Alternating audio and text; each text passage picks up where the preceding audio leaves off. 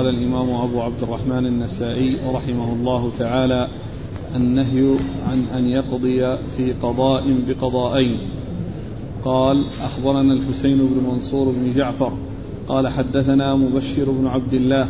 قال حدثنا سفيان بن حسين عن جعفر بن إياس عن عبد الرحمن بن أبي بكرة وكان عاملا على سجستان.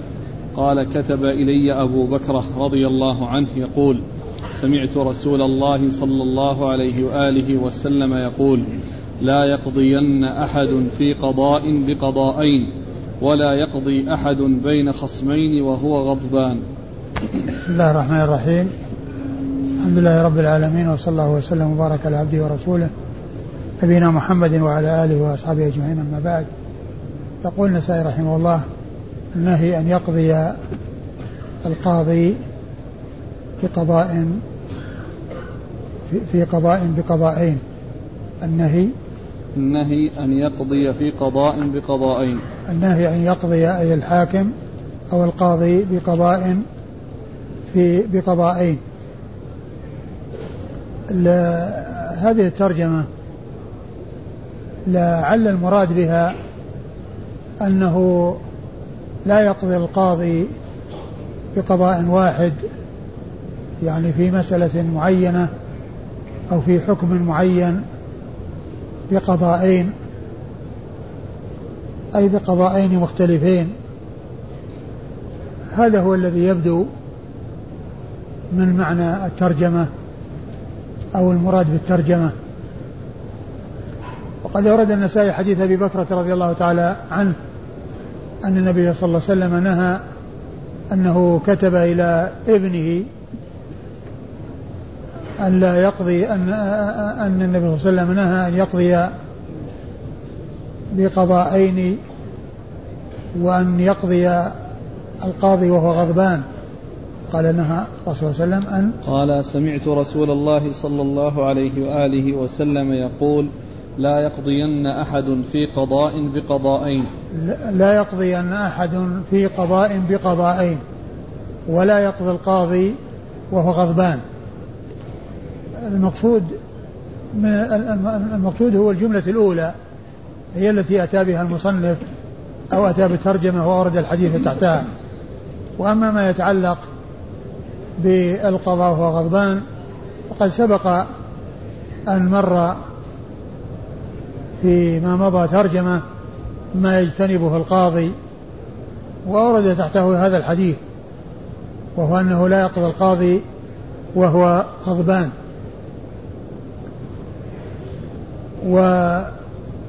والحديث كما سبق أن مر فيه النهي عن القضاء وهو غضبان وكذلك مثله الإفتاء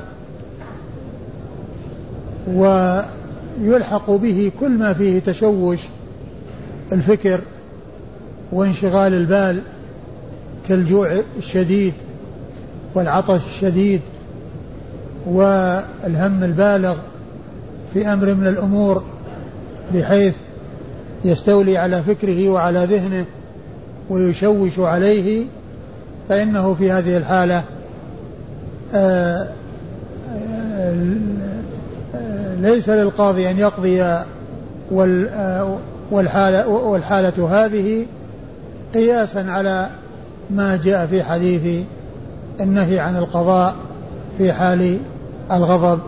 وهو حديث أبي بكرة رضي الله تعالى عنه هذا. وفيه حرص الوالد على آه، سلامة ابنه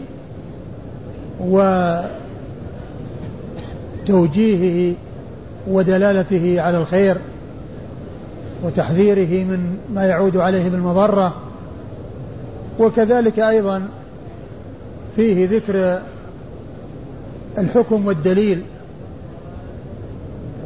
في سبيل التعليم لأنه هنا تعليم كونه, يكتب كونه كتب له هو من قبيل التعليم ومن قبيل الأخبار والإرشاد والاستدلال على ذلك. وفيه أن العالم يبين الحق عند الحاجة إليه وإن لم يسأل عنه. لأن أبا بكر رضي الله عنه كتب ابتداء دون أن يكون ابنه سأله. وفيه استعمال الكتابة وأنها بمنزلة السماع لكن لا يعبر عنها بالسماع وإنما يعبر عنها بالكتابة. كتب إلي أو كتبت إليه أو أخبرني كتابة أو ما إلى ذلك. يعني لا لا يكتفى بأخبرني ولا يقال سمعت وإنما يقال كتب إلي أو أخبرني كتابة أو مكاتبة. وفيه اعتبار المكاتبة وأنها تقوم مقام الحضور والسماع وذلك بعد التحقق من الكتاب وصدور الكتاب ممن صدر منه. نعم الإسناد. قال أخبرنا الحسين بن منصور بن جعفر. حسين بن منصور بن جعفر ثقة أخرج حديث البخاري والنسائي. عن مبشر بن عبد الله. عن مبشر بن عبد الله وهو ثقة أخرج حديثه النسائي وحده. عن سفيان بن حسين. عن سفيان بن حسين وهو ثقة أخرج حديثه البخاري تعليقا ومسلم في المقدمة وأصحاب السنن. عن جعفر بن إياس. عن جعفر بن إياس وهو أبو بشر بن أبي وحشية وهو ثقة أخرج له أصحاب الكتب الستة. عن عبد الرحمن بن أبي بكر. عن عبد الرحمن بن أبي بكرة وهو تابعي أخرج له أصحاب ثقة أخرج له أصحاب الكتب الستة. عن أبيه.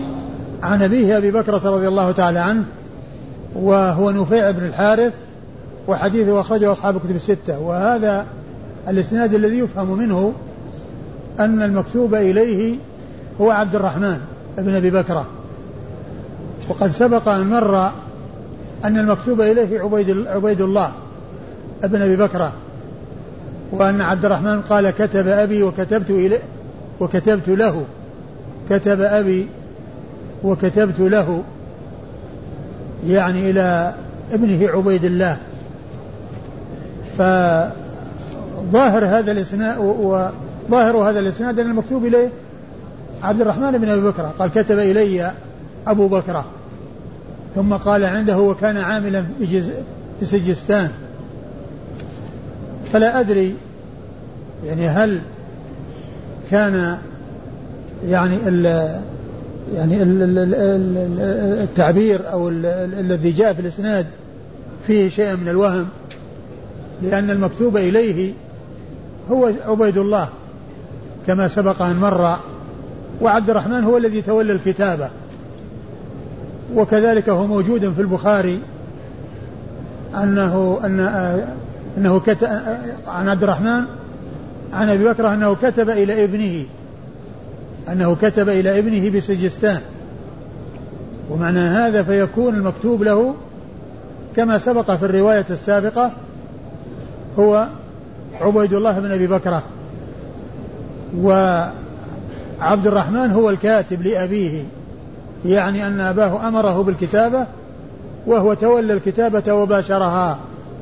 يعني معناها أن الكتاب من أبيه والخط خط عبد الرحمن. والخط خط عبد الرحمن والكتاب إنما هو من أبيه. فيكون نسبت الكتابة إلى إلى إلى أبي بكرة لكونه أمر بها ولكونه أملى.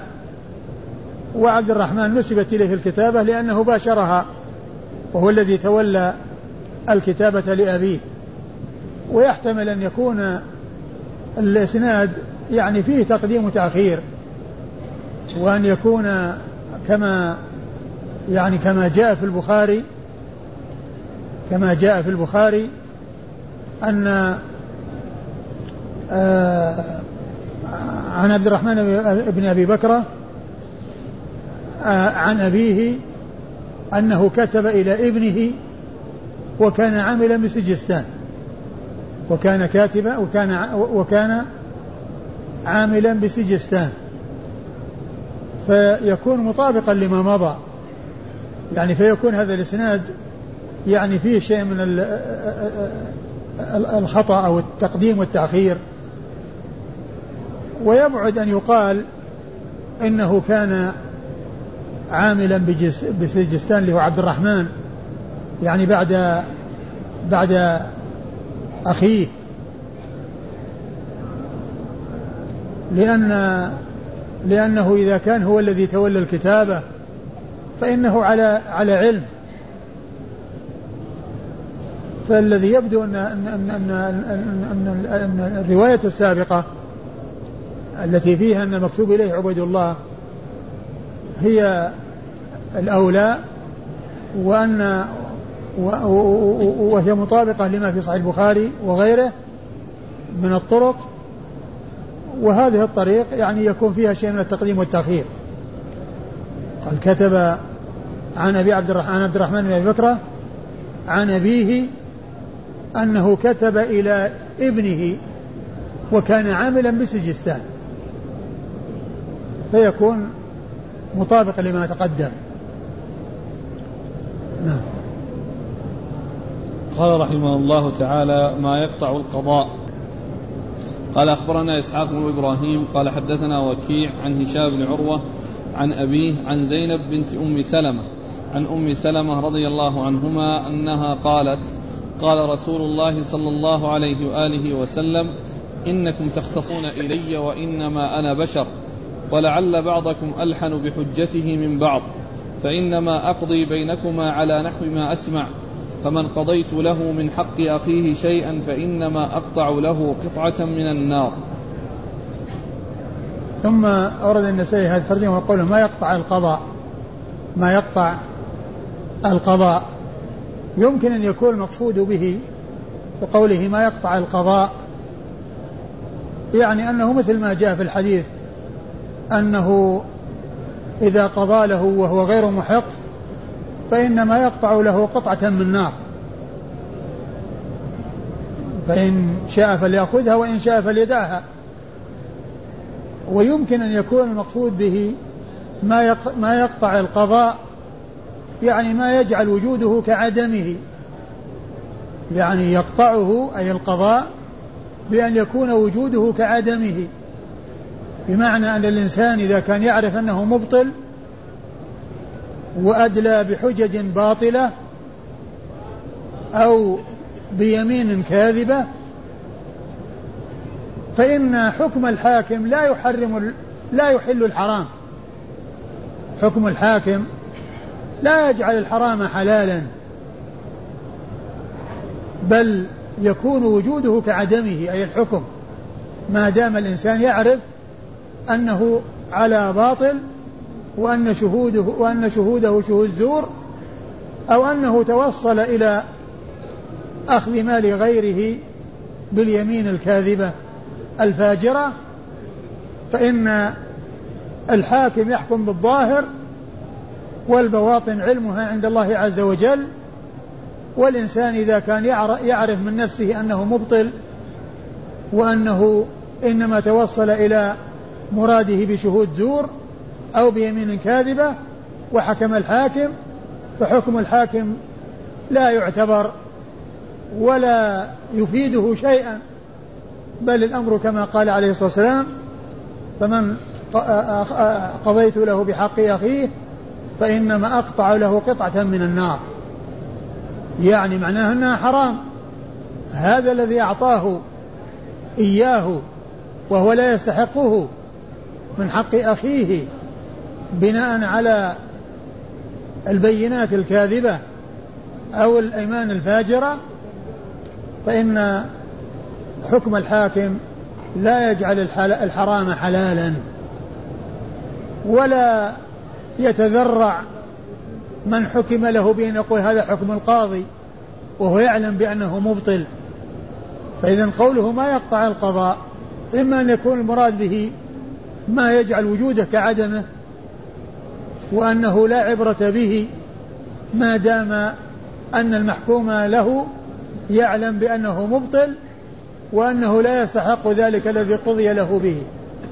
أو أن المقصود به يعني كونه قطعة من النار يعني الذي يقطعه القاضي أو الذي يحكم به القاضي وهو لا يستحقه أي المقضي له إنما هو قطعة من نار.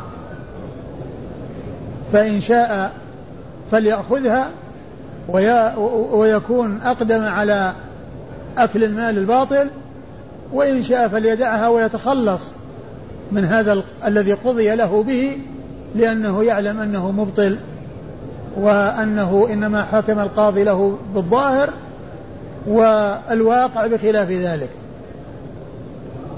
آه، أورد النسائي حديث آه، أم سلمة رضي الله تعالى عنها أن النبي صلى الله عليه وسلم قال إنكم تختصمون إلي ولعل بعضكم أن يكون ألحن بحجته من بعض.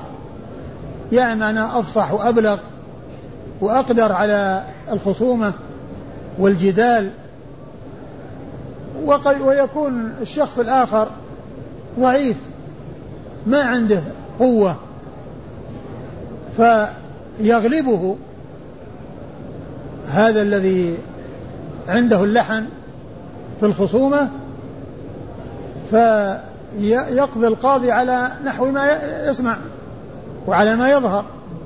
ولهذا قال عليه الصلاة والسلام إنكم تختصمون إلي ولعل بعضكم أن يكون الحمد بحجة فأقضي على نحو ما أسمع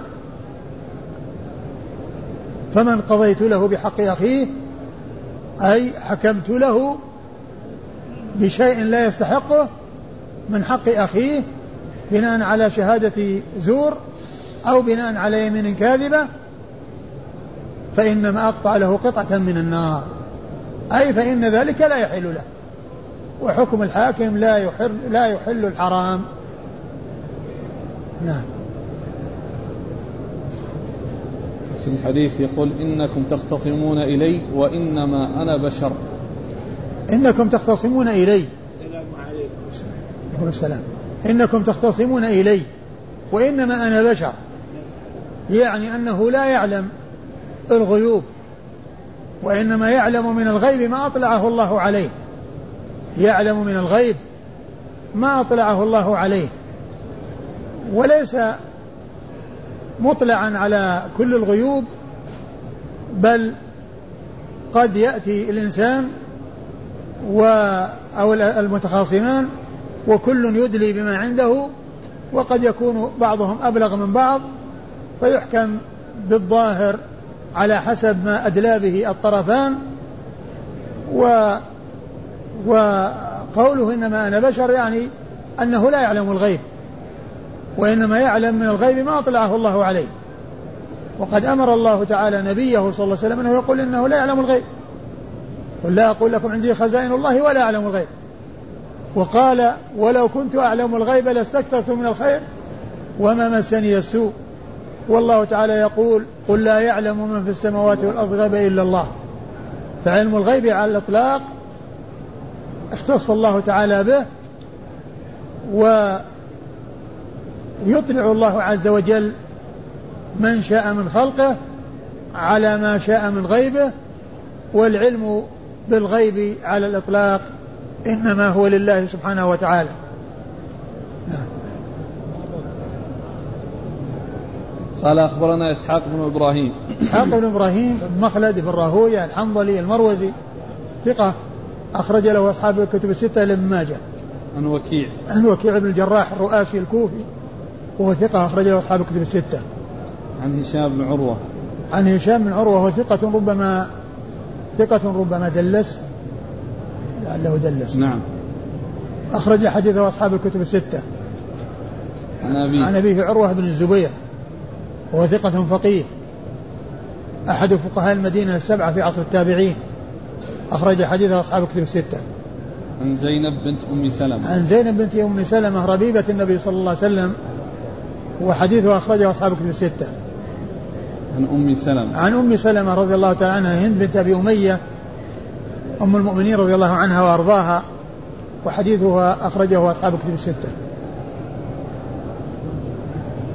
كون يا شيخ النسبة إلى الأم زينب بنت أم سلمة. للاشتهار. أقول للاشتهار. زينب بنت أبي سلمة بنت أبي سلمة. نعم. وإنما تنسب إلى أبيها وإلى أمها. قال رحمه الله تعالى باب الألد الخصم. قال أخبرنا إسحاق بن إبراهيم قال أخبرنا وكيع قال حدثنا ابن جريج حاء قال وأخبرنا ابن منصور قال حدثنا سفيان قال حدثني ابن جريج عن ابن أبي مليكة عن عائشة رضي الله عنها أنها قالت قال رسول الله صلى الله عليه وآله وسلم إن أبغض الرجال إلى الله الألد الخصم. ثم ورد النسائي هذه الترجمة وهي الألد الخصم. يعني ما ورد فيه من الوعيد. والمراد بالألد الخصم هو الشديد الخصومة في الباطل الذي عنده شد شدة في الخصومة وهو مبطل. أما إذا كان عنده قوة وعنده فصاحة وعنده بلاغة ولا يستعمل ذلك إلا بحق فإنه لا يكون مذموما وإنما المقصود من ذلك الذي يجادل بالباطل ويخاصم بالباطل وعنده اللدد وشدة الخصومة أو الخصومة الشديدة أو ال ال ال هذا الوصف الذميم هذا هو المقصود بالترجمة. وقد رد النسائي حديث عائشة رضي الله عنها قال إن أبغض الرجال إلى الله الألد الخصم. إن أبغض الرجال إلى الله الألد الخصم. وهذا أيضا فيه إثبات البغض لله عز وجل وأن الله تعالى يتصف بهذه الصفة وهو على ما يليق بجلاله وكماله كسائر الصفات. لأن كل ما ورد به الكتاب والسنة من صفات الله عز وجل يثبت على الوجه اللائق بكماله وجلاله سبحانه وتعالى دون أن يكون مشابها لخلقه في صفاتهم بل صفات الباري كما يليق به وصفات المخلوق كما يليق به. ولا تماثل أو تشابه بين آه، آآ آه، صفة الخالق والمخلوق بل صفات الباري في غاية الكمال وصفات المخلوقين تناسب ضعفهم وافتقارهم. قال أخبرنا إسحاق بن إبراهيم إسحاق بن إبراهيم مر ذكره؟ عن وكيع. عن وكيع. عن ابن جريج. عن ابن جريج عبد الملك بن عبد العزيز بن جريج المكي وهو ثقة أخرج له أصحاب كتب الستة. قال حا وأخبرنا ابن منصور. ثم قال حا وأخبرنا ابن منصور وهو محمد بن منصور الجواز المكي ثقة. أخرج حديثه النسائي وحده. عن سفيان. عن سفيان ابن عيينة وهو ثقة أخرجه أصحاب الكتب الستة. عن ابن جريج عن ابن أبي مليكة. عن ابن جريج؟ نعم. عن ابن جريج وقد مر ذكره عن ابن أبي مليكة وهو عبد الله بن عبيد الله ابن أبي مليكة. ثقة أخرج له أصحاب الكتب الستة. عن عائشة. عن عائشة أم المؤمنين رضي الله تعالى عنها وأرضاها الصديقة بنت الصديق التي حفظ الله تعالى بها الكثير من سنة النبي صلى الله عليه وسلم وهي واحدة من سبعة أشخاص عرفوا بكثرة الحديث عن النبي صلى الله عليه وسلم. قال عن إسحاق بن إبراهيم عن أبي جريج. عن وكيع عن ابن جريج. عن وكيع عن ابن جريج نعم. قال رحمه الله تعالى القضاء في من لم تكن له بينة. قال أخبرنا عمرو بن علي قال حدثنا عبد الأعلى قال حدثنا سعيد عن قتادة عن سعيد بن أبي بردة عن أبيه عن أبي موسى رضي الله عنه أن رجلين اختصما إلى النبي صلى الله عليه وآله وسلم في دابة ليس لواحد منهما بينة فقضى بها بينهما نصفين. ثم ورد النسائي هذه الترجمة القضاء. القضاء في من لم تكن له بينة. القضاء في من لم تكن له بينة. القضاء في من لم تكن له بينة. يعني ليس لي يعني المدعي أو أحد الخصمين ليس له بينة. و ومن المعلوم أن أن الحكم أو القاعدة التي جاءت بها الشريعة أن المدعي هو الذي عليه البينة والمدعى عليه اليمين والمدعى عليه يكون عليه اليمين. كما جاء ذلك في الأحاديث عن رسول الله صلى الله عليه وسلم لو يعطى الناس بدعواهم لادعى رجال أموال قوم ودماءهم. لكن البينة على المدعي واليمين على المدعى عليه. و فعند وجود البينات المعول عليها وعند عدم وجودها يصار إلى يمين المدعى عليه وإذا حلف برئت ساحته. والترجمة هنا يعني يبدو أنها في آه، استواء الطرفين. من جهة أن كل واحد مدعي ومدعى عليه لأن هذا وليس وليست وليس هناك صاحب يد بمعنى أن تكون العين في يده دون غيره أو تكون في يدهما جميعا وكل واحد صاحب يد ولا بينة وليس هناك يعني مدعي ومدعى عليه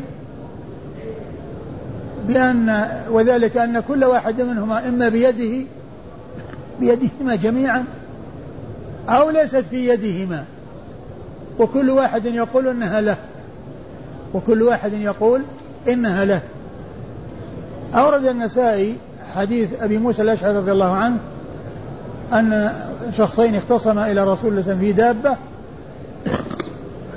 وليس مع أحد منهما بينة فجعلها بينهما نصفين. فجعلها فجعلها بينهما نصفين. هو لا شك إذا أصلح بين أو أصلح القاضي بينهما بأن جعلهما بين نصفين وتراضوا على ذلك لأن الحق لا يعدوهما. الحق لا يعدوهما. فإذا حصل الصلح ما في أي إشكال. لكن إذا ما حصل الصلح هذا هو الذي فيه الإشكال. وكيف يكون الحكم؟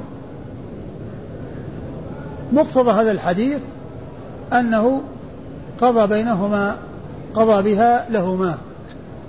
لكن هذا الحديث هو ظاهره يعني من حيث الإسناد أنه مستقيم لكن أعله بعض العلماء بأنه مرسل لأنه جاء من بعض الروايات جاء في بعض الروايات أنه مرسل وليس بمتصل. و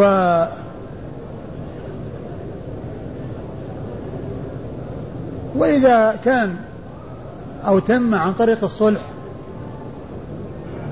فلا شك أن الصلح فيه رضا الطرفين ولا يبقى هناك إشكال لأن الحق لا يعدوهما فإذا اتفق على اقتسامه فالأمر في ذلك واضح. وأما حيث لا يحصل من الاتفاق على الاقتسام فإنه هذا هو الذي يبقى فيه الإشكال. نعم. قال أخبرنا عمرو بن علي. عمرو بن علي هو الفلاس. ثقة أخرج له أصحاب كتب الستة بل هو شيخ لأصحاب كتب الستة. عن عبد الأعلى. عن عبد الأعلى بن عبد الأعلى بن عبد الأعلى وهو ثقة أخرج له أصحاب كتب الستة. عن سعيد. عن سعيد بن أبي عروبة وهو ثقة أخرجه أصحاب كتب الستة. عن قتادة. عن قتادة من دعامة السدوسي البصري ثقة أخرجه أصحاب كتب الستة.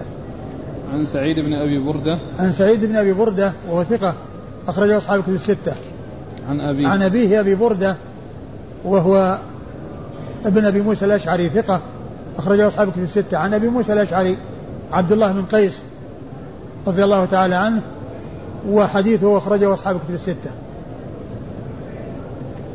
إيش الراجح فيه الإرسال ولا كيف؟ ها؟ الراجح الإرسال إيش؟ الراجح الإرسال تقول جاء أنه مرسل؟ ما أدري والله ما أدري. لكن الألباني ضعفها بسبب الإرسال. الإرسال جاء عند من يا شيخ؟ ها؟ إرسال. عند أبو بردة. لا يعني من أخرجه مرسل؟ النسائي أخرجه مرسل؟ لا غيره. طبعا هنا متصل. لكنه أخرجه غيره من طريق شعبة. يعني بدل سعيد. بدل سعيد بن أبي عروبة. قال رحمه الله تعالى عظة الحاكم على اليمين. قال أخبرنا علي بن سعيد بن مسروق قال حدثنا يحيى بن أبي زائدة عن نافع بن عمر عن ابن أبي ملي قال كانت جاريتان تخرزان بالطائف فخرجت إحداهما ويد ويدها تدمى فزعمت أن صاحبتها أصابتها وأنكرت الأخرى فكتبت إلى ابن عباس رضي الله عنهما في ذلك. فكتب إن رسول الله صلى الله عليه وآله وسلم قضى أن اليمين على المدعى عليه. ولو أن الناس أعطوا بدعواهم لادعى ناس أموال ناس ودماءهم. فادعها واتل عليها هذه الآية. إن الذين يشترون بعهد الله وأيمانهم ثمنا قليلا أولئك لا خلاق لهم في الآخرة. حتى ختم الآية. فدعوتها فتلوت عليها. فاعترفت بذلك فسره. ثم ورد النسائي عظة عظة عظة الحاكم على اليمين. عظة الحاكم على اليمين.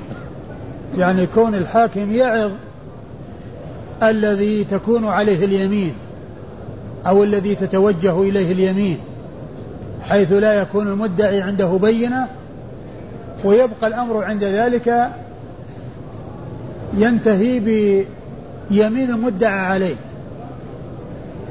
فالمقصود أنه يوعظ ويذكر بخطورة الأمر وأن اليمين إذا كانت غير صحيحة غير صادقة وأنها ليست على حق وأنها كاذبة فشأنها خطير. هذا هو المقصود من الترجمة عظة الحاكم على اليمين. يعني كونه يعظ من توجهت عليه اليمين بأن يبين له خطورة اليمين إذا كانت كاذبة. حتى إن كان حتى يكون ذلك دافعا له إلى أن يصدق وأن يعترف بأنه حصل منه ذلك الذي يدعي عليه. ولا يحلف وتبرأ ساحته ويبرأ جانبه باليمين التي حلفها وهو كاذب بل يصدق ويسلم من اليمين الكاذبة ومن مغبتها وإثمها وهي اليمين الغموس التي تغمس صاحبها بالإثم كما جاء ذلك في بعض الأحاديث عن رسول الله صلى الله عليه وسلم لأنها حلف على خبر يحلف بأنه ما حصل من كذا وقد حصل. أورد النسائي حديث آه، ابن عباس رضي الله تعالى عنهما أن أنه كتب إليه ابن أبي مليكة نعم. أنه كتب إليه ابن أبي مليكة. وكان هناك امرأتان تخرزان. يعني تخرزان الخفاف أو القرب. فغمزت واحدة منهما الأخرى فجرحتها فخرجت. وإصبعها تدمى يعني يسيل منها الدم يسيل منها الدم. فأنكرت المدعى المدعى عليها. فكتب ابن أبي مليكة إلى ابن عباس يسأله فكتب إليه أن النبي صلى الله عليه وسلم قال إن اليمين على المدعى عليه ولو يعطى الناس بدعواهم لادعى رجال أموال قوم ودماءهم. ف آه، فمرها واتلو عليها فاطلبها. فادعها. فادعها واتلو عليها قول الله عز وجل الذين يشترون بأيمان بعهد الله وأيمانهم ثمنا قليلا أولئك لا خلق لهم في الآخرة. يعني معناه أنه يخوفها ويبين لها يعني خطورة اليمين الكاذبة وأنه لا خلاق لمن يأتي باليمين وهو كاذب فيها لا خلق له في الآخرة. فدعاها وتلا عليها الآية فاعترفت. فاعترفت. فسره. أي سر ابن أبي مليكة. يعني هذا العمل الذي توصل فيه إلى معرفة المحق من المبطل. وذلك أن المدعى عليها اعترفت. وكانت قبل ذلك منكرة. لكن لما خوفت بالله عز وجل وبين لها خطر اليمين الكاذبة اعترفت. فسره يعني ذلك الذي حصل والذي كان وسيلة إلى معرفة الحق وهو أن ال ال ال الاختلاف الذي كان موجودا من قبل انتهى باعتراف المدعى عليها. باعتراف المدعى عليها بأنها هي التي أصابت آه، صاحبتها وأدمتها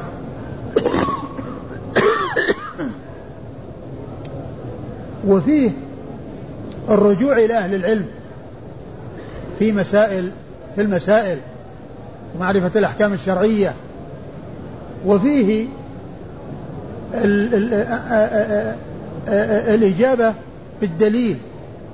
لأن الإجابة بالدليل فيها بيان الحكم ودليله وهذه طريقة السلف من الصحابة ومن بعدهم.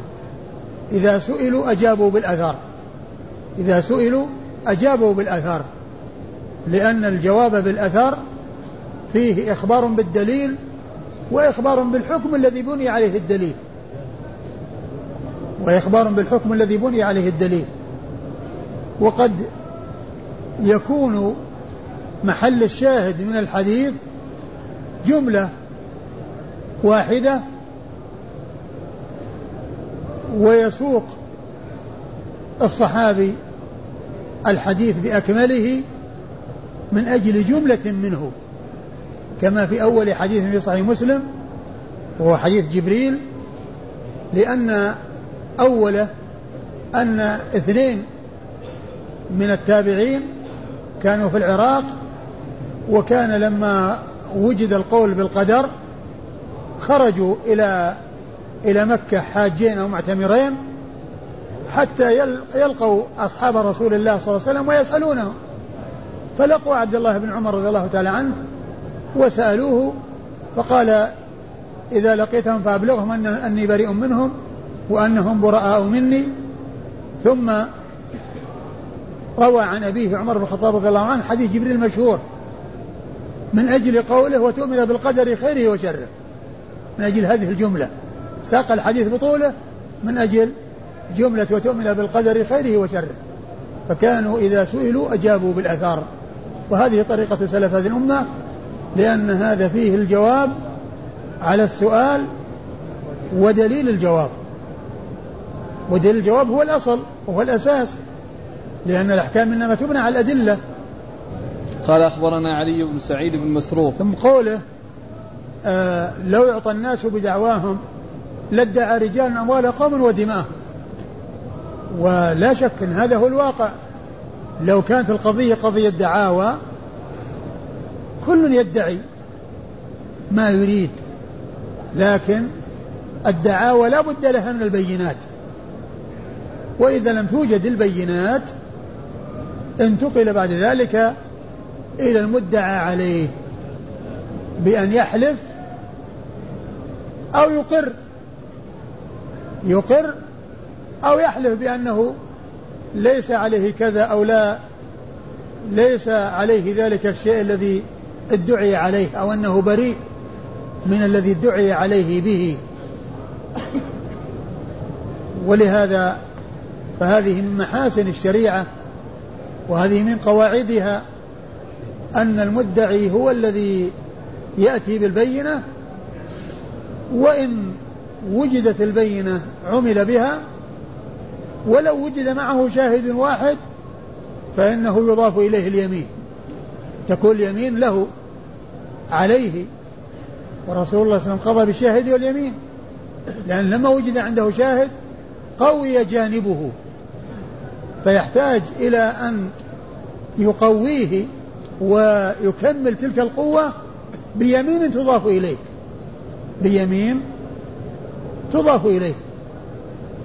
ولو امتنع ونكل المدعى عليه عن اليمين فإنه يقضى عليه بالنكول.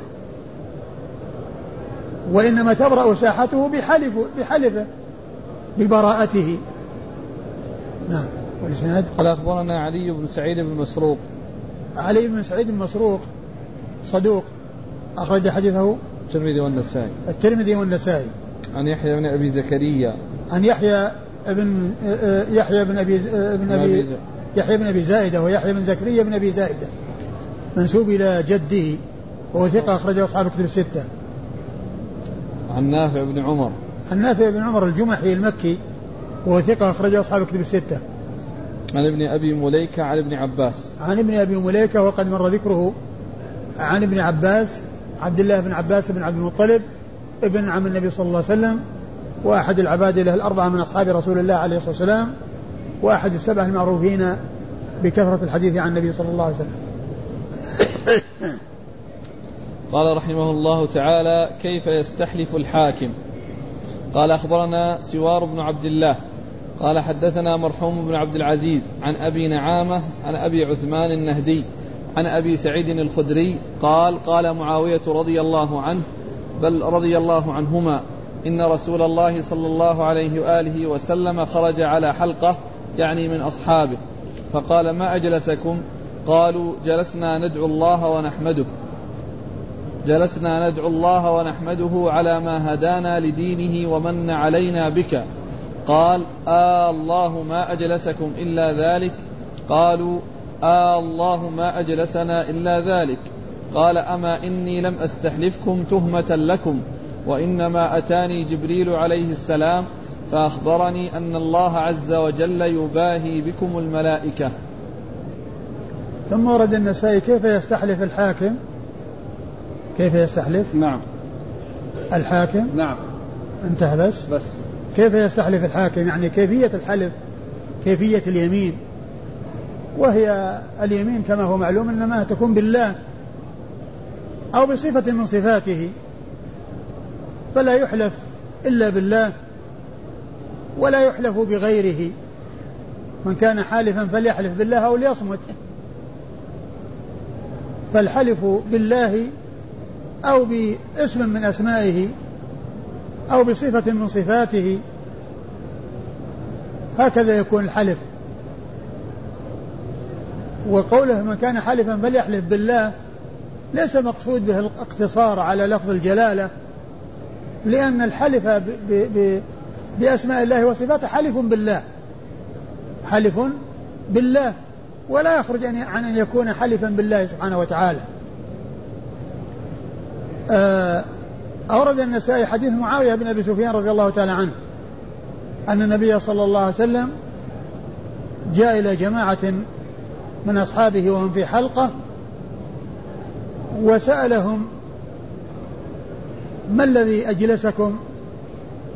قالوا جلسنا نذكر الله ونحمده على ما من علينا وعلى هدايته لنا وعلى إرسال الرسول صلى الله عليه وسلم إليهم فقال آه الله ما أجلسكم إلا ذلك؟ يعني استحلفهم. فحلفوا. فقال إنني ما استحلفتكم تهمة لكم ولكن أتاني جبريل وقال إن الله يباهي بكم الملائكة. إن الله يباهي بكم الملائكة. ولهذا أراد أن يعرف ما الذي كانوا يصنعونه ويعملونه والله تعالى يباهي بهم الملائكة. فالمقصود منه أن الحلف تكون بالله عز وجل. وقوله آه الله بالمد. يعني آه يعني بدل آه بدل حرف القسم الذي هو الباء أو الواو أو التاء قال في آخره إن الله تعالى يباهي بكم الملائكة. وفي الحديث دليل على أن النبي صلى الله عليه وسلم لا يعلم الغيب ولا يطلع على يعرف الغيوب كلها. بل هذا الذي باهى الله تعالى بهم الملائكة ما كان يعرف الشيء الذي كانوا يعملونه حتى أخبروه واستحلفهم على ذلك. فهذا من الأدلة الكثيرة الدالة على أن علم على أن علم الغيب على الإطلاق إنما هو لله عز وجل وأن النبي صلى الله عليه وسلم لا يطلع على كل الغيوب وإنما يطلع على ما أطلعه الله عز وجل عليه من الغيب. كما قال الله عز وجل عالم الغيب فلا يظهر على غيبه أحدا إلا من ارتضى من رسول فإنه يسلك من بين يديه ومن خلفه رصدا نعم. قال أخبرنا سوار بن عبد الله. أخبرنا سوار ابن عبد الله وهو ثقة أخرج له أبو داود والترمذي والنسائي. ثقة أخرج له أبو داود والترمذي والنسائي. المرحوم ابن عبد العزيز. عن المرحوم ابن عبد العزيز وهو ثقة أخرجه أصحاب الكتب الستة. عن أبي نعامة. عن أبي نعامة السعدي وهو ثقة أخرج له مسلم وأبو داود والترمذي والنسائي. مسلم وأبو داود والترمذي والنسائي. عن أبي عثمان. عن أبي عثمان النهدي وهو عبد الرحمن بن مل أو مل أو مل مثلث الميم وهو ثقة أخرج له أصحاب الكتب الستة. عن أبي سعيد الخدري. عن أبي سعيد الخدري وهو سعد بن مالك بن سنان. الخدري مشهور بنسبته وكنيته وهو أحد السبعة المعروفين بكثرة الحديث عن النبي صلى الله عليه وسلم. عن معاوية بن أبي سفيان أمير المؤمنين رضي الله تعالى عنه وأرضاه وحديثه أخرجه أصحاب كتب الستة. قال أخبرنا أحمد بن حفص قال حدثني أبي قال حدثني إبراهيم بن طهمان عن موسى بن عقبة عن صفوان بن سليم عن عطاء بن يسار عن أبي هريرة رضي الله عنه أنه قال قال رسول الله صلى الله عليه وآله وسلم رأى عيسى بن مريم عليه السلام رجلا يسرق فقال له أسرقت؟ قال لا والله الذي لا إله إلا هو. قال عيسى عليه السلام آمنت بالله وكذبت بصري. ثم ورد النسائي حديث أبي هريرة رضي الله عنه عن النبي أن, أن عيسى عليه الصلاة والسلام النبي صلى الله عليه وسلم أنه قال إن عيسى عليه الصلاة والسلام رأى رجل يسرق فقال له أسرقت؟ قال لا والله الذي لا إله إلا هو. قال آمنت بالله وكذبت بصري. آمنت بالله وكذبت بصري. والمقصود من الحديث كون الشخص الذي خاطبه عيسى حلف وقال لا والله الذي لا إله إلا هو. يعني أن, أن, أن هذه صيغة الحلف أو أن هذه من صيغ الحلف. أن هذه من صيغ الحلف وهو إنما يكون بالله سبحانه وتعالى وبأسمائه وصفاته سبحانه وتعالى. قرأ عيسى بن مريم رجلا يسرق فقال له أسرقت؟ قال لا والله الذي لا إله إلا هو قال آمنت بالله. يعني أنه صدق من حلف له بالله. يعني و وقال وكذبت بصري وكذبت بصري. يعني أنه قبل كلامه وقبل حلفه بالله عز وجل ولم يلتفت إلى يعني رؤيته هو وبصره هو عليه الصلاة والسلام. أيوة. قال أخبرنا أحمد بن حفص. أحمد بن حفص ابن عبد الله بن راشد النيسابوري وهو صدوق أخرج حديثه البخاري وأبو داود والنسائي. عن أبيه. عن أبيه وهو حفص بن عبد الله بن راشد ثقة.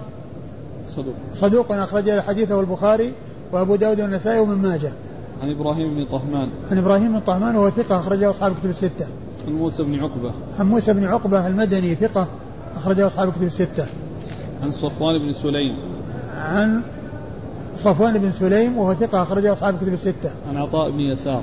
عن عطاء بن يسار وهو ثقة أخرجه أصحاب الكتب الستة.